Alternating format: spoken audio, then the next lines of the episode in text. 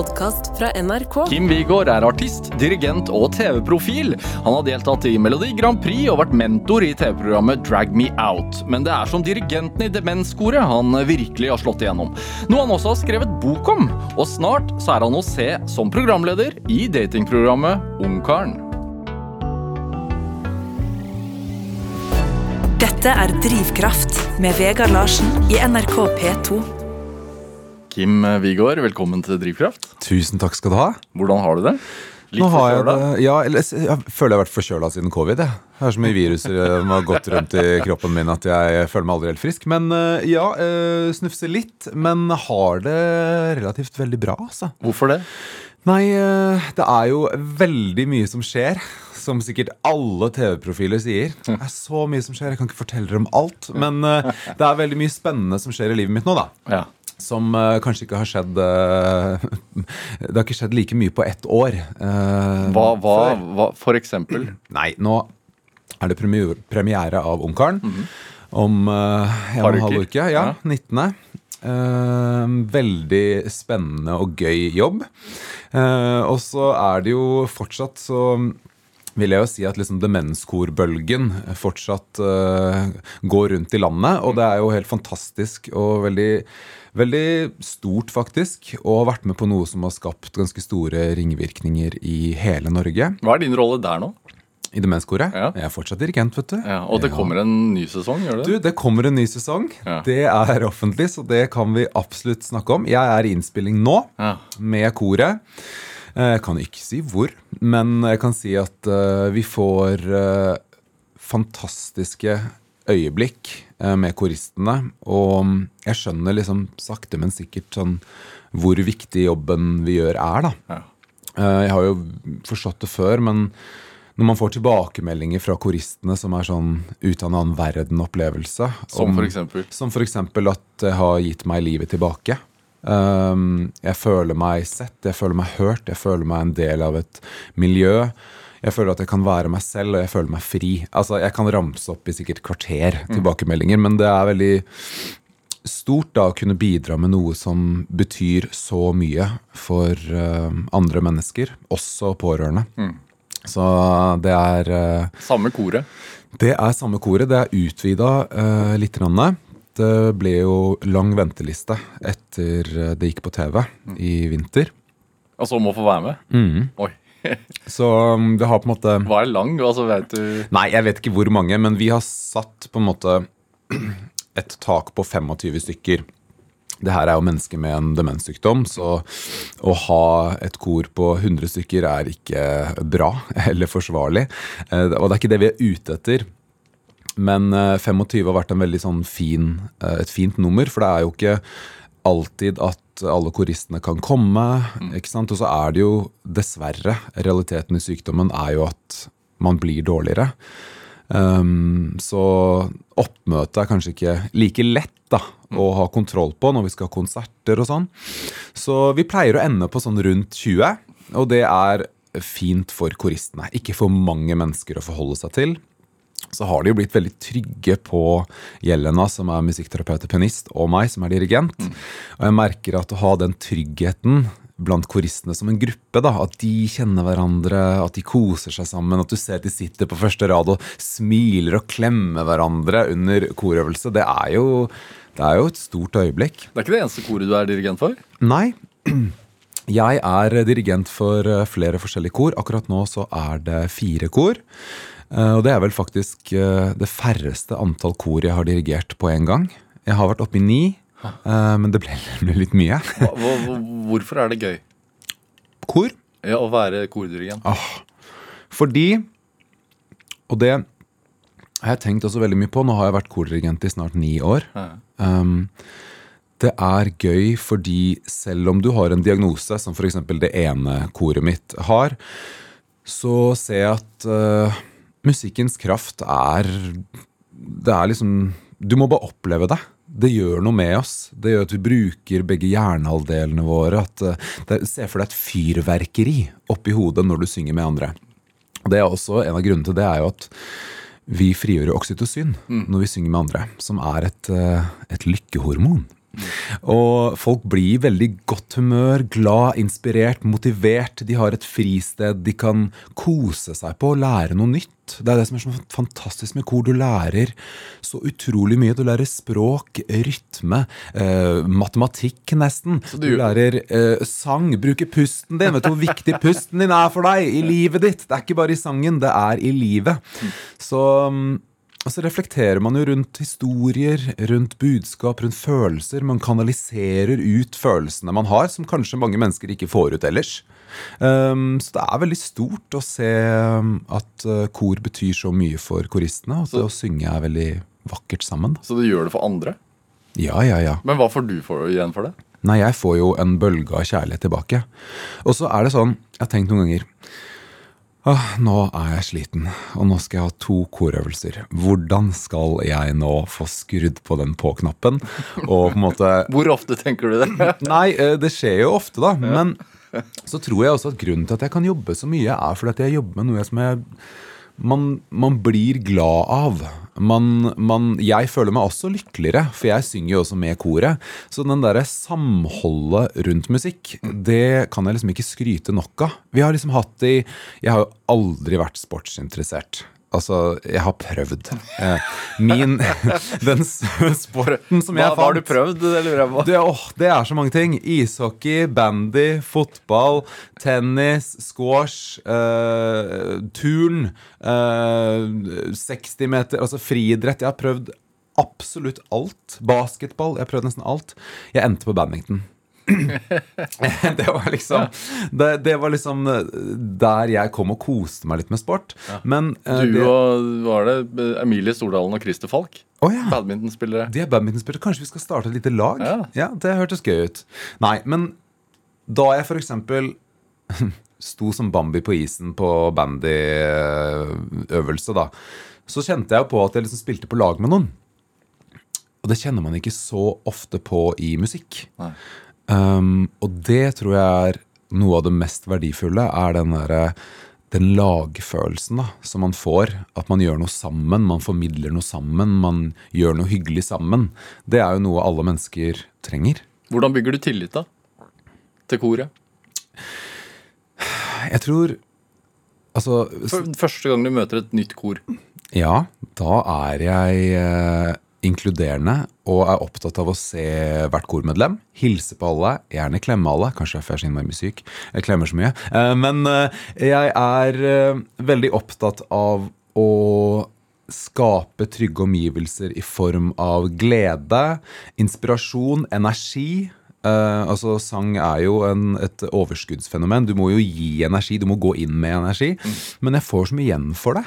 Og jeg tror at så lenge vi kan synge og kjenne på følelsen etter vi har sunget sammen, så tror jeg man liksom skjønner korgreia, for da blir man glad. Så. Det er ikke sånn at når jeg er ferdig klokka ti på onsdag, som jeg er i dag, da, i kveld, så går jeg hjem og legger meg med en gang. Det går ikke. Adrenalinet bruser, gleden bruser. Alle minner kommer tilbake fra da jeg var liten og gikk på Ris ungdomsskole og ikke hadde det så bra, men nå har jeg det fint. Så jeg vil si um, det handler om å være motiverende. Ja. Men hva er forskjellen med å synge aleine, som du jo gjør, eh, og det å synge i kor? Altså, synge aleine, blir man jo drittlei av seg sjæl, da. Ja, men det mener jeg, og det har jeg kjent veldig mye på. Mange som, Hvorfor gjør du ikke liksom bare solosang? Du er så flink til å synge, og bla, bla, bla. Jo, men sorry, ass. Jeg syns det er litt kjedelig at det bare skal handle om meg. Fordi jeg har gjort det så mange ganger. Og jeg kjenner at eh, ja, jeg kan godt formidle og, og bringe frem en følelse i publikum. Det er også sterkt. Men det er desto sterkere når vi gjør det sammen. Eh, Det blir større, det kan bli harmonier, det kan bli eh, ah, Det kan bare bli Det blir bare liksom Det er liksom musikkens magi, da. Men har du følt på Altså har du kjent den følelsen av at jeg vil synge, men jeg tør ikke? Ja, ja, ja, ja, ja, kjære vene. De fleste tror jo i dag at jeg er en sånn utadvendt gledesspreder som bare går rundt og aldri går tom for energi. Ja. er, er du ikke sånn? Det har ikke alltid vært sånn. Nei. Uh, og det, jeg er jo også, har jo hatt en lærer, eh, liksom lærerrolle, da, hvor jeg har undervist i sang og liksom i kor og alt mulig sånn. men det har ikke alltid vært sånn. Jeg var altså, Da jeg var liten, så var jeg ganske sjenert. Og jeg ble mye eh, erta og mobba for eh, hvem jeg var, hvordan jeg så ut, og hva jeg likte å gjøre. Hva hva gikk det i? Altså Nei, jeg likte å sitte inne og spille piano og tegne. Og kle meg ut i mammas kjoler. Men eh, alle de andre guttene, eh, de ville jo liksom spille fotball, og liksom det var en mer sånn det gjør gutter, og det gjør jenter. Jeg brøt liksom litt den normen, og så fikk jeg litt sånn Hvor, hvor, for det.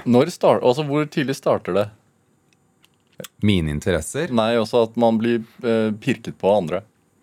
Det startet jo på barneskolen. Ja. Det var liksom på Smestad barneskole. Det var da jeg virkelig sånn kjente det. Jeg har faktisk én historie. Mamma fortalte den til meg i går. Den er jo, jeg var en veldig stor gutt da jeg var liten. Da jeg var liten, var jeg veldig stor. Men øh, da jeg var ung, da. Og så skulle vi bort i, på Silkestrå Ake. Og i dag så kan jeg smile om munnen når jeg forteller denne historien. Hvor gammel var du da? Jeg tror jeg var kanskje sju-åtte. Kanskje jeg gikk på barneskolen da. Det var vinter, det var silkestrå. Vi skulle ut og ake, hele klassen. Jo, det var på barneskolen.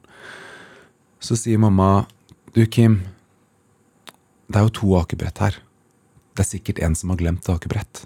Ta med begge to. Ja, selvfølgelig, det må jeg gjøre. Kommer opp i akebakken og har med to sånne rumpeakebrett, da. Og da fikk jeg jo høre Å, du er så tjukk at du må ha to akebrett. Du får ikke plass på ett. Ikke sant? Sånne ting er jo forferdelig å oppleve når man er eh, så ung og så liten, og man ikke eh, Hva skal jeg si uh, Er klar over hvem man er ennå, liksom hatt den reisen, men på en måte å bli erta på den måten er jo veldig ubehagelig. Eh, Så jeg kom gråtende hjem til mamma og fortalte, og da fikk hun selvfølgelig kjempedårlig samvittighet. Men det kom jo fra et godt sted, ikke sant? Fortsatte det? Ja, det gjorde det. Hvor lenge? Det fortsatte egentlig store deler av barneskolen. Um, inntil andre år på ungdomsskolen. Altså da jeg skulle begynne i ti, niende klasse, da. På ungdomsskolen. Hva, hva gjør det med en, en, et barn? Altså hva,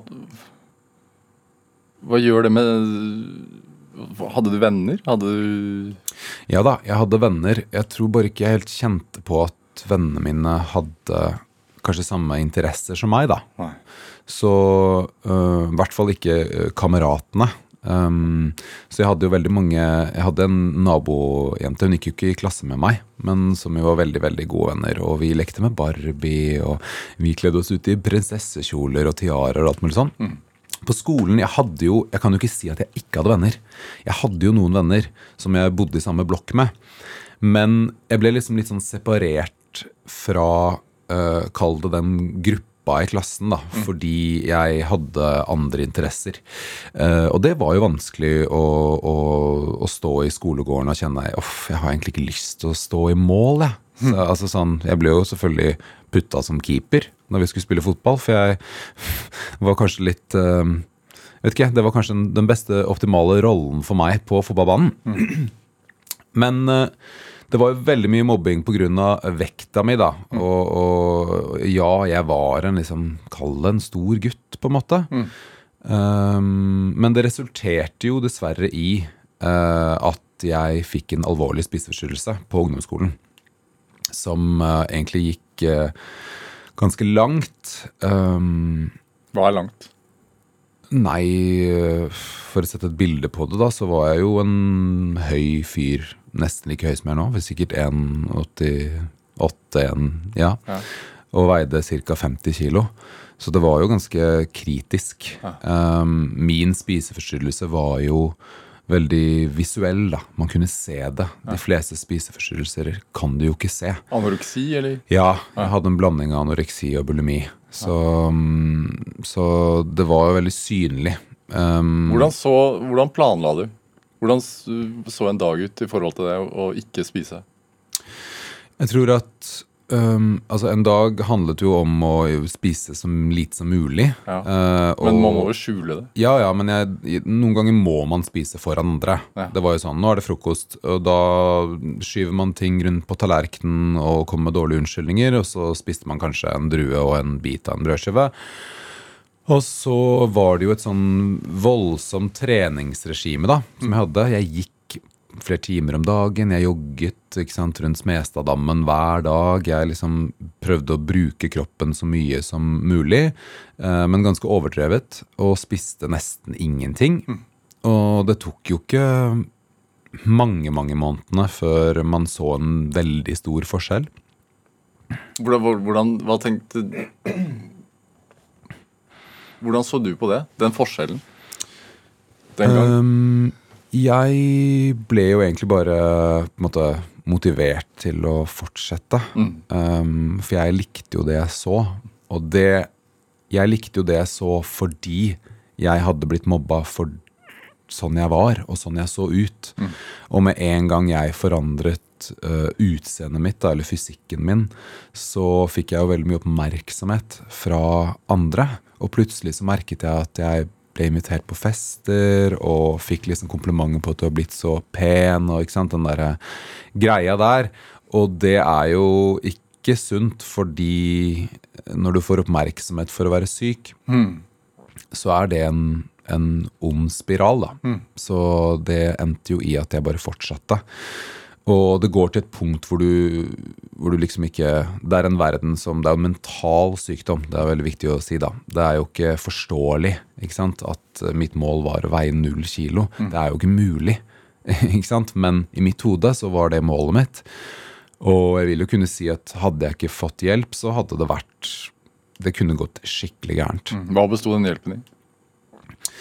Den hjelpen besto jo eh, i et samarbeid mellom foreldrene mine og lærerne på skolen, som på et tidspunkt sa at nå må vi prate sammen. Det her er liksom Vi ser at du ikke har det bra.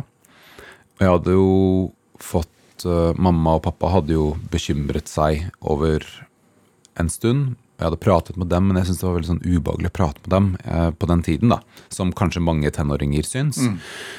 Så var det en Jeg husker det veldig godt. Um, eh, norsklæreren min Hun sa 'Kim, kan jeg få liksom ti minutter med deg etter timen?' Og da var jeg sånn Oh my god, nå skal hun sette meg ned en karakter i norsk. Det var det jeg tenkte.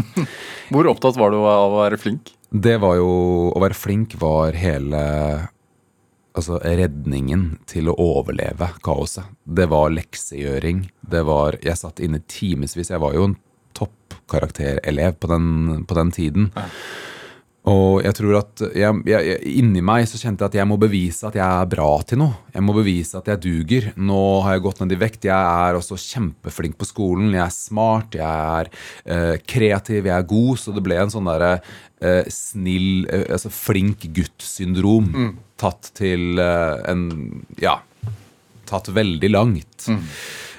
Så helhetlig så var det jo mm, Hadde jeg det virkelig ikke bra. Så tok hun meg ut norsklæreren min og sa bare sånn Du, Kim, kan ikke du fortelle meg litt hvordan du har det nå? Jeg bare Hæ, skal du ikke Skal vi ikke snakke om karakteren min i norsk? Jeg syns jo den forrige stilen min var ganske bra. Syns ikke du òg? Jo, jo, men vi skal ikke snakke om det nå. Jeg er opptatt av å se deg. Hvordan er det du har det nå? Og jeg husker det øyeblikket veldig godt på det lille klasserommet ved siden av. Bare hun og meg. Veldig nært. Um, og hun sa Jeg ser deg, og jeg er her for deg, og nå setter jeg av tid til å liksom prate med deg om hvordan du har det, for jeg tror ikke du har det bra. Og da gikk det opp et sånt lys for meg at noen liksom utenifra, da, som ikke kjente meg kjempegodt, men litt um, så meg. Og hun sa at jeg tror at s- i tråd med foreldrene dine, så skal vi ta og uh, finne en løsning på hvordan du kan få det bedre. For da anerkjente jeg at jeg ikke hadde det så bra. Jeg isolerte meg jo ikke sant, fra det sosiale. Det var liksom bare lekser og trening og ikke spising. Og det er jo veldig slitsomt. Det er jo ikke behagelig å kaste opp. maten, den lille maten du har spist. Det er det jo ikke. Så da fikk jeg psykologhjelp takket være mammas eh, private helseforsikring. Ellers så kunne det sikkert tatt mange måneder. Eh, da kom jeg rett inn til eh, en psykolog eh, sammen med en ernæringsekspert. og vi fikk liksom jeg vet ikke, snudd tankene mine, sett på kroppsbildet på en annen måte. eh, jobbet oss gjennom det over lang tid. Mm. Opptil to ganger i uka. Og på sikt så hjalp det veldig for meg. Det var helt riktig for meg. Og, og hun psykologen var bare sånn Hun var så fin å prate med. Det var deilig å prate med noen som ikke visste noe om meg, eller som hadde brydd seg over lang tid, men bare Ja, litt fremmed. Får man et normalt forhold til mat igjen? Nei. Hvordan preger det dagen i dag, da? Altså, jeg vil si at Jeg vil jo si at jeg er frisk i dag, men jeg vil jo si at alle som har gått gjennom en spiseforstyrrelse, kjenner nok på at i vanskelige stunder i livet, da, hvor man opplever noe som er skikkelig vanskelig å stå i, så kommer den kontrollen som man ofte trenger, den går ut på maten. Um, og det har jeg kjent på et par ganger i ettertid, men nå vet jeg liksom hvordan jeg skal håndtere følelsene mine på en annen måte hvis jeg står ovenfor noe som er utfordrende og vanskelig. Uh, og så- Hvordan, hvor- hvordan gjør du det nå, da, i stedet? Nei, nå prater jeg jo om det, da. Eh, og det er jo det er veldig mye prat om følelser rundt om i samfunnet vårt nå, og det er jo en av de positive tingene med å kunne komme seg gjennom ting, er jo å ha en samtale med andre eh, som kanskje ikke har kjent på det sammen, og som kanskje har kjent på det samme. Som Du trenger ikke nødvendigvis komme til noen konklusjon. Du bare lufter hvordan du har det. Skal det være så Altså, hvorfor skal det være så innmari vanskelig, liksom? Tenker på sånn forrige generasjoner som liksom ikke pratet om elefanten i rommet, eller hvordan de hadde det i det hele tatt. Mm. Det er jo noe av det fine med i dag, da. Også med demenskoret. ikke sant. At vi har den dialogen hvor det blir litt lettere å være i en tung omstendighet fordi vi er der sammen og har dialog om det. Når, når følte du en sånn trygghet i deg selv eh, at du tenkte at nei, nå skal jeg bare være, være meg selv, jeg, jeg, gir av meg, jeg gir av meg selv og jeg prater om det som har skjedd meg? Det tok meg jo lang tid. Ja. Det var ikke sånn at uh, etter jeg gikk hos psykolog, så var det bare sånn Wow, her er jeg, og nå er det skikkelig vanskelig. Og nå skal du høre.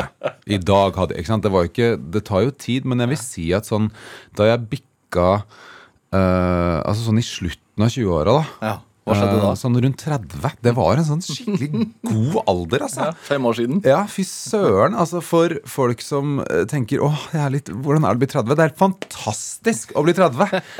Jeg, I hvert fall for meg. Jeg føler at da jeg ble 30, så var det bare sånn Åh, Jeg er ikke redd for å vise hvem jeg er. Jeg er ikke redd for å gå i en kjole foran andre hvis jeg har lyst til det, eller ta på meg en parykk. Jeg er ikke redd for å si at jeg har en dårlig dag, men jeg er heller ikke redd for å dele alt det bra jeg tenker. Det er liksom best of both worlds, da.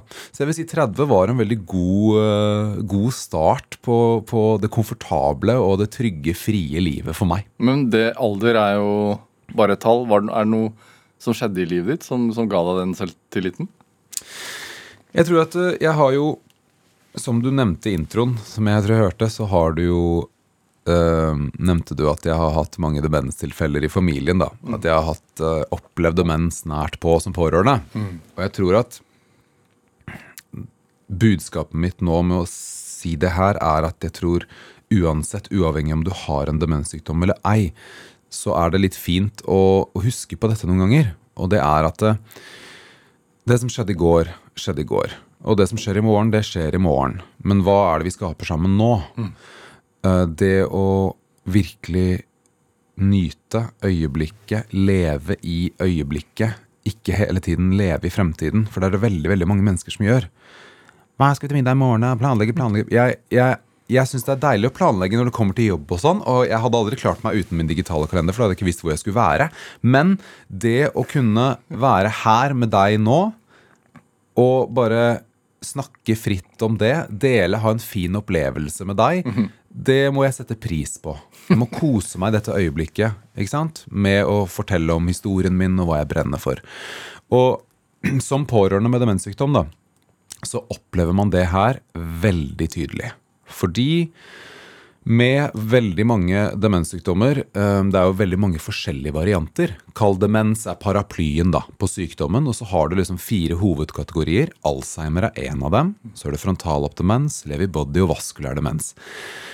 Men så har du veldig mange forskjellige typer igjen. Det er jo mye forskning på demens. Men la oss fokusere på de fire. da, Alzheimer, som veldig mange har hørt om og kjenner til, og som vi fikk formidlet litt gjennom demenskoret.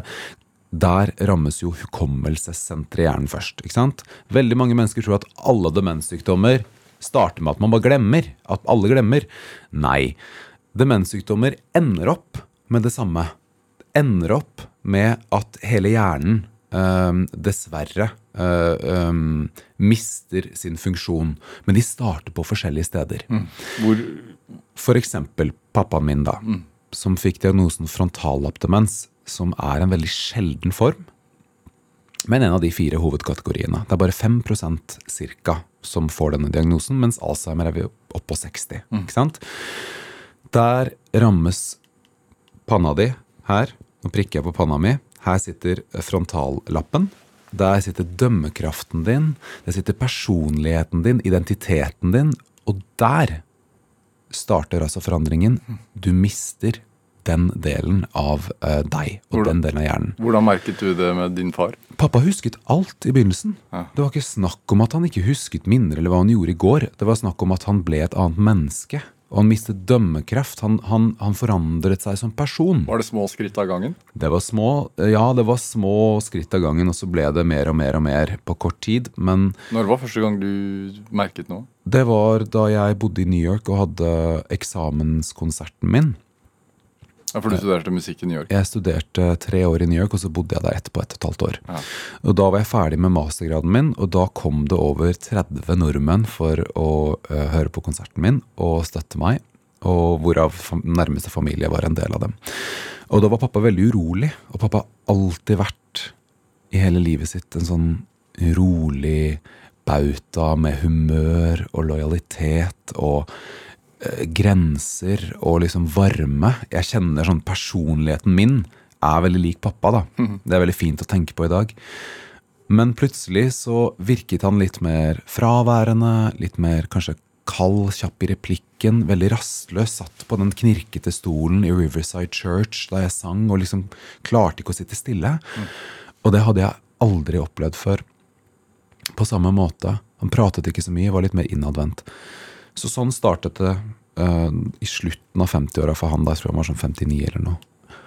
Um, og det er liksom viktig å, å vise, og grunnen til at jeg også deler historien min, er fordi at eh, det er en veldig komplisert sykdom. Det er veldig vanskelig å være pårørende fordi det er veldig vanskelig å få diagnose. Det er veldig vanskelig å skjønne at det kan være demens. Å ha en samtale og si vet du hva, 'jeg tror du har demens, pappa'. Det er vanskelig å si til faren din.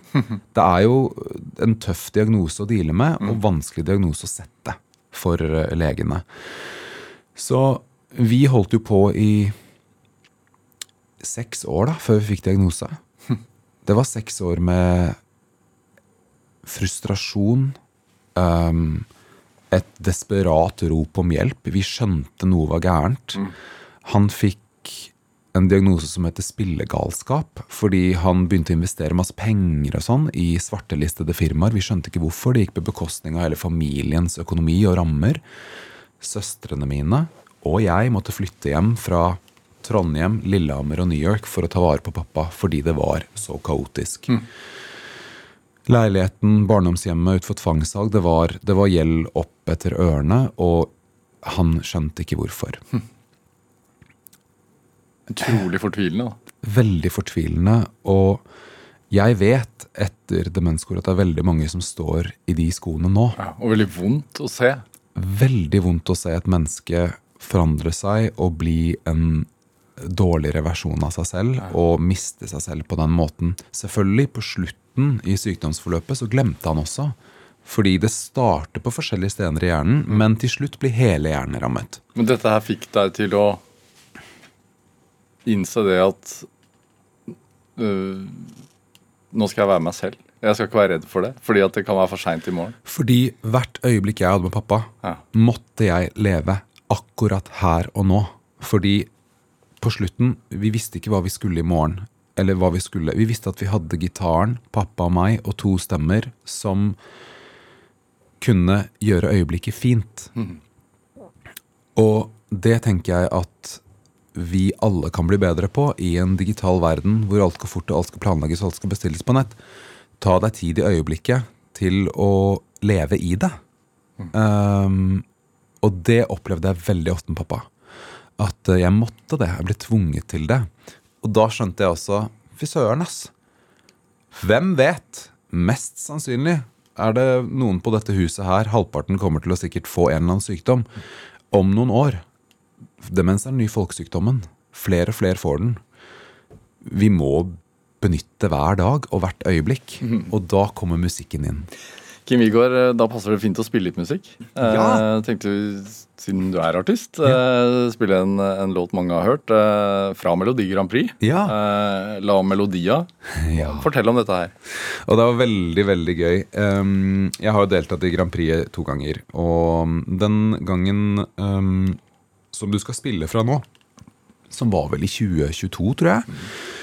Ja, i fjor. Um, da ville jeg gjøre Skjedd ganske mye i livet når du er litt usikker på når du var med i Melodi Grand Prix. Ja, men det er det jeg snakker om, den digitale kalenderen. Den er kjempefin. den, Da vet jeg alt er ramsa opp der. Jeg har ulike dager hver dag. Men um, jeg ville gjøre noe helt annerledes. Jeg ville bringe inn noe som var uh, en del av min reise, um, og samle det til en opptreden. Uh, og det har jeg på en måte ikke kanskje gjort på samme måte før. Så jeg valgte å ta inn opera, som jeg er utdanna i. Altså operasanger. Jeg hadde lyst til å synge noe operatisk. Og så hadde jeg lyst til å stå i en stor kjole på scenen og ta litt barndommen min og nå i dag inn på scenen.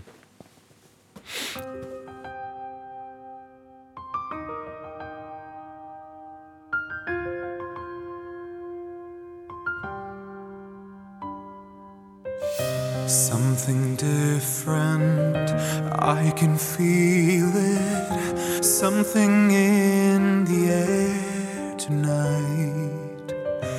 They keep hoping we're mistaken, but it seems like we were right. This is my anthem for the lonely ones, the beat up, broken, and the silent ones. Let us sing together all one. Canta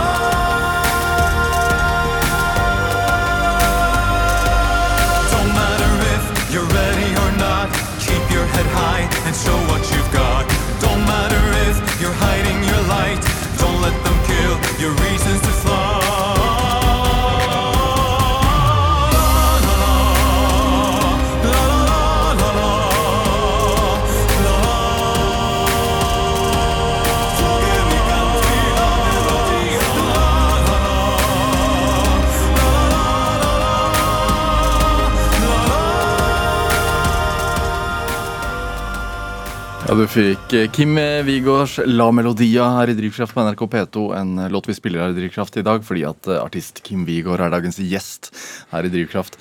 Jeg, jeg hører det nå, så ser jeg for meg eh, den lille gutten som blir erta, som står eh, på gutterommet i mors kjole, og det, at det er en slags revansj. Ja, det var akkurat det det var. Ja. Altså, eh, for meg så var det her et kjempestort øyeblikk, fordi jeg kjente bare sånn Vet du hva?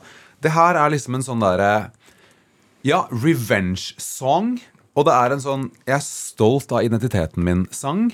Jeg gjør det som er riktig for meg. og Jeg driter langt F i hva dere andre syns. Jeg fikk masse pepper for det. Du noe- Selvfølgelig. Hva slags annen respons fikk du?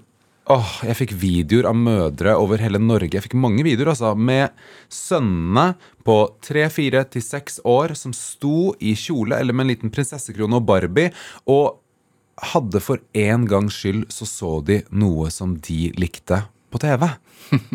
De kjente seg litt igjen. De ble inspirert, de koste seg, de følte seg kanskje litt sett. De syntes det var spennende. Eh, det var et veldig stort øyeblikk. altså. Jeg fikk masse ros fra veldig mange mødre og fedre over hele Norge. Så fikk jeg masse pepper også, selvfølgelig, fra over hele Norge. Eh, Det ble noen politianmeldelser av Ja, jeg fikk drapstrusler for den, eh, den opptredenen her. Wow. Mm. Så, og det var flere. Eh, Så, så jeg måtte Det gikk eh, Politiet fikk noen, eh, fikk noen anmeldelser. Det måtte jeg bare gjøre. Og det er lært at man må bare, for å få et stopp på hatefulle ytringer og drapstrusler for at man er seg selv, det må man anmelde. Er du redd noen gang for å være deg selv? Nei, ikke nå. Jeg har vært det. Ja. Jeg har vært veldig redd for å være meg selv. Det har vært, for jeg har liksom alltid fått pepper for at jeg var uh, At jeg likte ting som ikke jeg kanskje etter kjønnsnormene burde like. Jeg vil heller ha rosa enn blå. Uh, jeg liker jo ikke sånne ting i det hele tatt. Så jeg, har jo mange fadderbarn. Så jeg er jo sånn som jeg Bevisst så vil jeg ikke kjøpe ting som jeg vet at uh, ligger i kjønnsrollene samfunnet på, påvirker oss til å ha. Så jeg kjøper dukker, og jeg kjøper uh, morsomme spill, og jeg kjøper kroner, og ja ja, her er alt lov. Ja. Så du får lov å velge det selv. Hva har gjort at du har overvunnet den frykten? Ja, For jeg har stått i mange kamper, da. Ja. Altså, det er jo jeg altså, Det høres kanskje veldig dramatisk ut, men det har jeg faktisk. Jeg har stått i mange situasjoner hvor jeg har fått mye kritikk for at jeg gjør det jeg gjør, og at jeg er den jeg er. Og det velger jeg å stå i, jeg. Eh, For jeg er sterk nok til å kunne håndtere det. Selvfølgelig går det inn på meg noen ganger når man, når man ser at voksne mennesker skriver sånne ting og truer deg på livet. Altså, kan du være så snill å få banka inn respekt i huet på folk? Ja, men det mener jeg. jeg. Jeg klarer ikke å forstå hvor det kommer fra, fordi det kommer ikke fra et vondt sted hos meg. Det kommer fra hvem jeg er, og det kommer fra at man Jeg har lyst til å kunne vise hvem jeg er. Og for de, om det er tre mennesker, da, eller ett menneske, som kjenner seg igjen og får noe ut av det, og føler seg sett, så har jeg gjort jobben min. Ja. Da driter jeg i de 99 andre som ikke liker det. Det, eh, og så bare tenk på det, karrieren din. altså det, I 2016 så var du med i Idol. Ja. Kom til semifinalen. Ja. Uh, og etter det så har det jo gått litt sånn slag i slag. Altså med The Voice, Ja, ja. Uh, Firestjerners middag. Beat for beat, eh, Melodi Grand Prix to ganger. ja. Hvorfor har eh, rampelyset vært så tiltrekkende?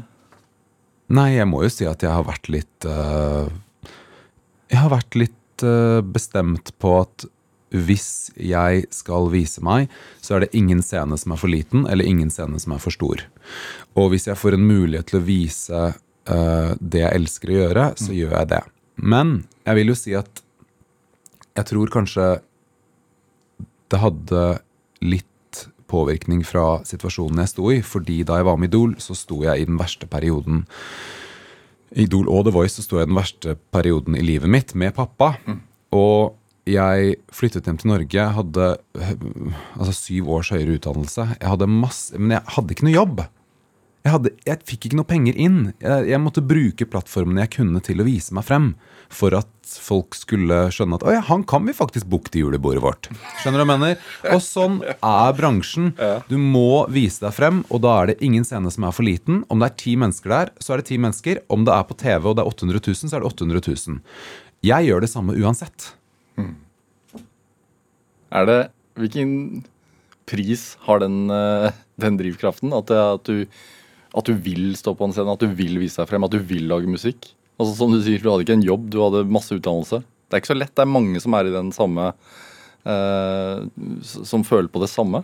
Ja, eh, jeg kjente jo på et sånn eh, Spesielt i New York, da, hvor det er veldig stort, hvor det er en million syngende servitører. Er det som altså Fame? Filmen Fame? Ja, ja, ja. Altså, det, er, det er beinhardt. Ja. Eh, Det er, eh, og det kan jeg jo si at det er på en måte lettere i Norge, siden det er et mindre land. Um, men drivkraften i meg er jo musikken, og det å lede musikken, på en måte. Og den tror jeg alltid kommer til å være i meg. Når oppsto den? Den, er- den oppsto eh, altså, siden jeg kunne altså, Kanskje ikke ledelsen av musikken, da, men musikken oppsto jo under fødsel, vil jeg jo nærmest si. Da, var, jeg hadde jo en komplisert fødsel. da Det er litt morsomt, fordi jeg hadde jo navlestrengen tre ganger rundt halsen. Så da kom, da mamma skulle presse meg ut, så ville jo jeg inn igjen.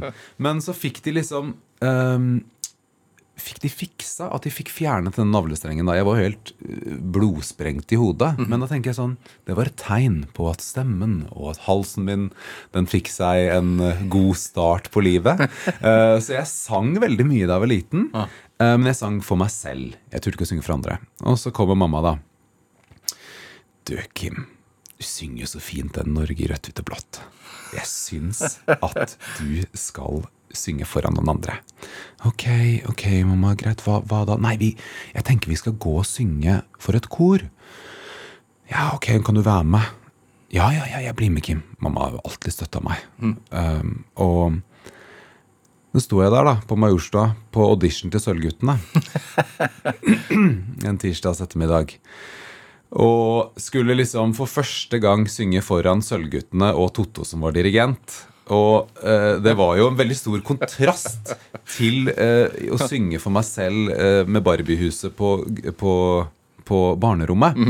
Eh, men jeg lærte meg jo i løpet av hele min musikalske reise at eh, jeg kjenner i kroppen min at jeg må synge, og jeg må skrive, og jeg må kunne være kreativ i musikkbransjen for å ha det bra. Hvorfor, hvorfor det, tror du? Jeg vet ikke. Er det, Fordi, det, fordi jeg blir glad av det. hva drev moren og faren din med da, da du var liten? Nei, Jeg har vokst opp i et musikalsk hjem. På hvilken måte?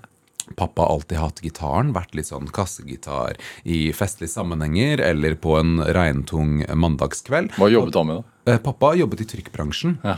um, men han var veldig glad i gitaren og spilte disse enkle Drammensvisene vet du, på gitaren. Nei, det, de, vet jeg ikke. Hva er det? Og ut på Nøtterøy fins det mange herlige kvinns Ja, jeg kan ikke si i dag at det var helt min tekst, men uansett. eh, eh, ikke sant? Det er ikke rart du, du driver med musikk, si. Og mamma hun, Plutselig så sto det piano i stua. Ja. Og hun spiller piano, søsteren min spilte piano, andre søsteren min spilte klarinett. Jeg sang og spilte. Vi var litt sånn der husorkester, da. Hva gjorde moren din, da? Sånn jobbmessig? Eh, mamma hun jobbet, i, eh, i, hun jobbet med veldig mange forskjellige ting. Hun var også veldig kreativ, men jobbet med eiendom på det tidspunktet. Ja. Um, men vi var samlet rundt musikken, og de fineste stundene som jeg kan huske da, fra jeg var liten, det var de musikalske sammenkomstene oss fem i barndomshjemmet.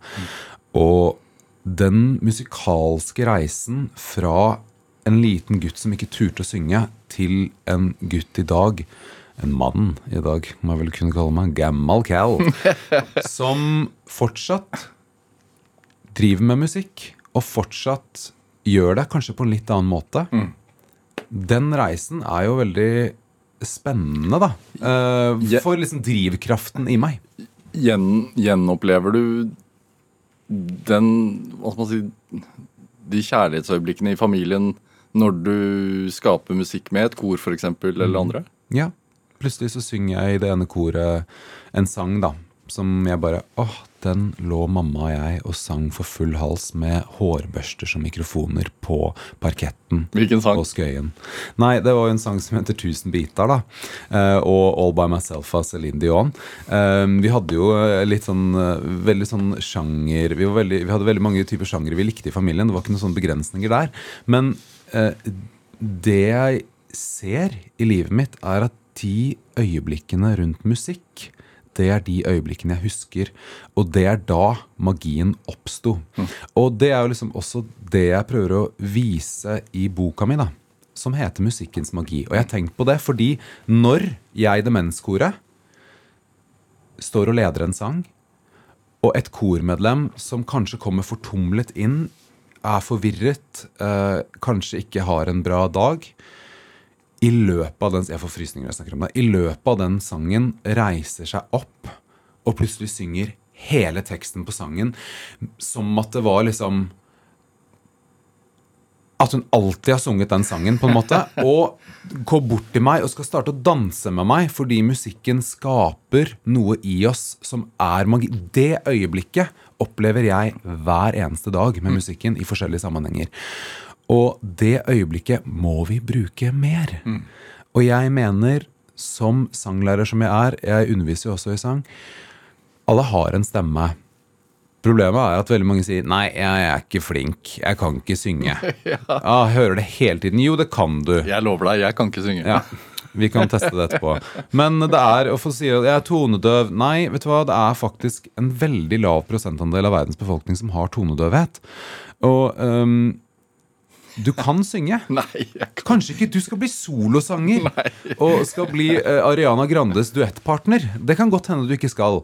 Men du kan skape det øyeblikket selv sammen med andre i et kor, eller sammen med familien din, eller på et fuktig nachspiel. Ja, det er fullt Eller på karaoke. Drammensvise tror jeg er mer min, Ja, min så la Drammensvise være visa di. Men den, altså, var det en popstjernedrøm inni bildet der også? Ja, selvfølgelig. Ja. Ja da. Jeg hadde jo utviklet en popstjernedrøm sånn på um. Nei, egentlig Nei, vet du hva? Nå, nå, skal vi gå litt tilbake i tid. Det var på ungdomsskolen. Um, jeg sluttet brått med musikk fordi musikk ble for pretensiøst. Jeg skulle spille store klassiske stykker. Kanskje ting jeg syns ble liksom mer teknisk enn det det var glede. Så jeg sluttet å spille, sluttet å synge. Og så kom det en sang på radioen, og ørene mine bare åpna seg, øynene mine. Og jeg hørte den enkle melodien i piano, og jeg hørte jenta som sang. Og jeg tenkte det vil jeg også gjøre. Og det øyeblikket husker jeg veldig veldig godt. Jeg løp ned på musikkforlaget for å bestille nota. Albumet hadde ikke kommet ennå. Jeg venta den ventetiden vi hadde på eh, 2000-tallet og 90-tallet med å vente på en sang, den er annerledes enn i dag. Ja, Den hadde vi godt av. Den hadde vi godt av, og den skulle jeg ønske vi kunne få litt tilbake. I en overfylt verden av musikk som det er i dag, og mye større konkurranse. Men da den nota kom i posten Jeg løper hjem, altså. Jeg tok ikke trikken. Jeg løp hjem fra musikkforlaget. Satte meg ned og spilte den låta her, sikkert i timevis. Og det var et sånn, liksom sånn øh, vendepunkt for meg. Da fikk jeg liksom Hvilken låt? det var en låt som het A Thousand Miles fra Vanessa Carltons Be Not Nobody-album. Um, og da ble jeg skikkelig motivert og inspirert. Ja, du ba meg jo plukke ut den. Da skal vi høre litt. Grann. Vi kan høre litt, da.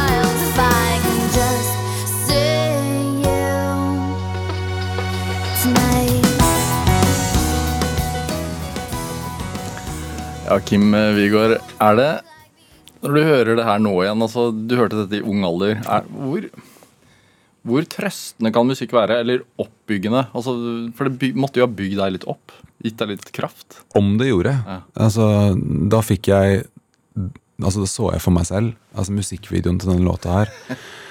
Hun sitter jo på bak en bil på et flygel og kjører rundt om i jeg tror det er LA. Hvor du liksom bare ser henne, og så møter hun på et korps og så begynner hun å spille med. Og så er det bare en sånn der musikalsk reise. Jeg så for meg meg selv sitte og spille og synge denne låta her på det jeg håper å si, lasteplanet på musikkvideoen. Det ga meg en sånn der en ny giv. Nå skal jeg begynne å skrive. Nå skal jeg begynne å, Først skal jeg lære meg alle sangene på albumet, og så skal jeg bruke det som eh, inspirasjon til å skrive noe selv. Så for meg var jo det her et vendepunkt i, i, i min musikalske verden. Hadde kanskje ikke den sangen kommet, hadde jeg kanskje ikke Ja. Det med, det med, det med å våge å drømme, og det å liksom sitte, på barnerommet og drømme, er det et produkt av den ensomheten, tror du? Um, ja Ja, kanskje jeg drømte meg litt bort til en annen verden, egentlig. Eh, det var et veldig godt spørsmål når jeg reflekterer over det nå. Jeg tror at Fordi på det tidspunktet her så var jo jeg også uh, midt i spiseforstyrrelsen min.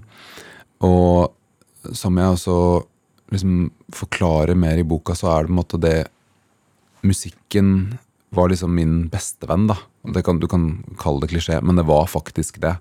Uh, og musikken dømte meg ikke.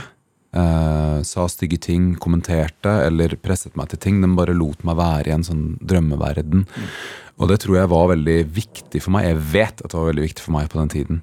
Så mm, jeg tror at i mitt tilfelle så var nok denne drømmen her en, en hva skal jeg si, en liten reddende engel eh, for hvordan jeg hadde det da, og hvor jeg ville. Har, har du noen gang sittet hjemme og sett på The Bachelor eh, på, på amerikansk TV eller på Netflix? da, og- Aldri! Jeg har sett hver sesong. ja, og har drømt om å bli programleder for det norske. Altså, det har vært, det har vært eh, mange års pause hvor det har vært en norsk versjon av, av, av Ungkaren. Ja. Nå, nå kommer det igjen, og du er programleder. Ja. Det var det du drømte om som liten? var det ja, jeg var vel jeg, jeg tror ikke jeg så på The Bachelor da jeg var syv år. Det gjorde jeg nok ikke. Men um, jeg husker veldig godt at da jeg flyttet til USA Det her er jo det største eh, reality-programmet i USA. Hvorfor tror du det er det? Uh, fordi det er ekte følelser. Det er ikke liksom Altså, det er en Du skal finne den store kjærligheten. Ja. Er vi klar for det i Norge? Ja? Om I hvert fall jeg er, da. Jeg er ganske sikker på at det er mange som er klar for en, en ny runde med Ungkaren. Men er vi ikke litt for stive for det der i Norge? Stive for det Norge, nei. Å nei da, du. Bare vent. Plutselig så har vi altså eh, Fangruppen til eh, Bachelor heter eh, Bachelor Nation. Og det finnes jo fans over hele verden. Dette programmet går jo på TV 60 land, tror jeg. jeg no, correct me if I'm wrong, men i veldig mange land, da, i hvert fall. Og jeg tror at um, Altså Konseptet da er ganske ekkelt. Altså, masse jenter samlet et sted, og så er det, det er to menn. I år er det to ungkarer. Ja. Det stemmer. Og så skal de knive om, disses, altså om gunsten til disse mannfolka. Ja. Ja. De skal jo da eh, kanskje knive om oppmerksomheten, da, for det er jo lite tid eh, til å bli kjent. Men jeg må jo bare si også eh, Det finnes jo noe som heter Ungkarskvinnen. Har du hørt om det òg? Ja da, Hvor det er omvendt? Ja da. Så uh, annenhver sesong så gjør de jo, pleier de å gjøre det i USA. Um, men vi har jo i år to ungkarer. Double the love. Double, Double trouble. the tr trouble. Men ikke sant? Så det blir jo en ekstra kamp om oppmerksomhet. Men så blir det jo også to muligheter, da. Det er jo veldig fint. Man får, har vi har to ungkarer som er fantastiske på hver sin måte. De er så forskjellige. eh, og det blir eh, veldig, veldig fint. Eh? Noen av jentene er jo der for han ene, noen for han andre, noen for begge to. Kanskje noen bytter mening underveis. Eh, hvem vet? Det er jo Jeg tenker sånn jeg har jo funnet den store kjærligheten. Jeg er jo forlovet med Marius. Um, og jeg tror liksom at uansett, da, hvis jeg skal sammenligne det med f.eks. demenskoret, så er jo på en måte folk er jo folk. Uansett hvilken situasjon vi står i, så er det fint å ha en samtalepartner, et klapp på skulderen, en å liksom uh, snakke med. Um, og følge reisen til, uh, til ungkarene våre og de uh, fantastiske, flotte norske jentene som er med i produksjonen. Det har vært, det har vært veldig fint, altså. Det har det. Og så har det vært Jeg har fått liksom det programleder-ungkaren momentet mitt også. Hvor, det? liksom, nei, hvor det oppstår en situasjon da, som er veldig dramatisk, og jeg liksom må bare kaste meg rundt og løpe til sett for å liksom få i gang en samtale, for å høre hvordan det går. Denne, det er jo det som skjer i forhold også. Det skjer jo. Altså, eh, vi opplever jo forhold. Det er opp og ned. Um, det er Man har ulikheter, men så trenger man alltid en sånn samtale. Så jeg har vært litt sånn, føler jeg litt, vært sånn litt sånn Litt sånn kjærlighetsterapeut også oppi det hele. Det har vært veldig gøy. Hæ. Hva er eh, Når du er det på hjemmebane, hva er hemmeligheten? Du er forlova, hvordan får man det til å funke? Hemmeligheten er én ting, og det er ærlighet. Og det er egentlig ikke noe hemmelighet. Det har jeg sagt hele tiden. Det har jeg sagt mange ganger i, på innspilling av Ungkar nå. Eh, Det er å være dønn ærlig. ærlig. Det er så viktig. Eh, Og det har jeg også blitt kjempemye bedre på de siste årene. Eh, Jeg føler at det er ikke noe usagt. Er, du kan si hva du tenker på. Men, men hva sa mannen din, da? For jeg antar at dere har sittet og sett på dette sammen? På amerikansk TV? Ja, det har vi. Ja. Nei, eh, vi er jo ganske enige. Vi elsker jo en god reality-serie. Og jeg syns jo Ungkaren-konseptet er veldig solid, da. Det er spennende. Det er, eh, det er ekte følelser som oppstår. Og det er veldig fint å bevitne. Kim Wigård, helt til slutt her, hva er drivkraften din? Du har vært innom det flere ganger da. Eh, drivkraften min er å selvfølgelig bruke musikk i livet, men også å lede mennesker med musikken og med god samtale. Kim Wigård, tusen takk for at du kom til Drivkraft. Tusen takk for at jeg fikk komme. Hør flere samtaler i Drivkraft på nrk.no eller i appen NRK Radio. Der kan du følge oss, så får du hver eneste Drivkraft-samtale rett inn i appen din. Send oss ris eller ros og også tips til mennesker som du mener har drivkraft. Send den e-posten til drivkraft.krøllalfa.nrk.no. Vi hører veldig gjerne fra deg. Produsent i dag det var Kjartan Aarsand, mens Dorthea Høstaker Norheim bidro med research til denne sendingen. Dette var Drivkraft. Jeg heter Vega Larsen. Vi høres. Du har hørt en podkast fra NRK. Hør alle episodene kun i appen NRK Radio.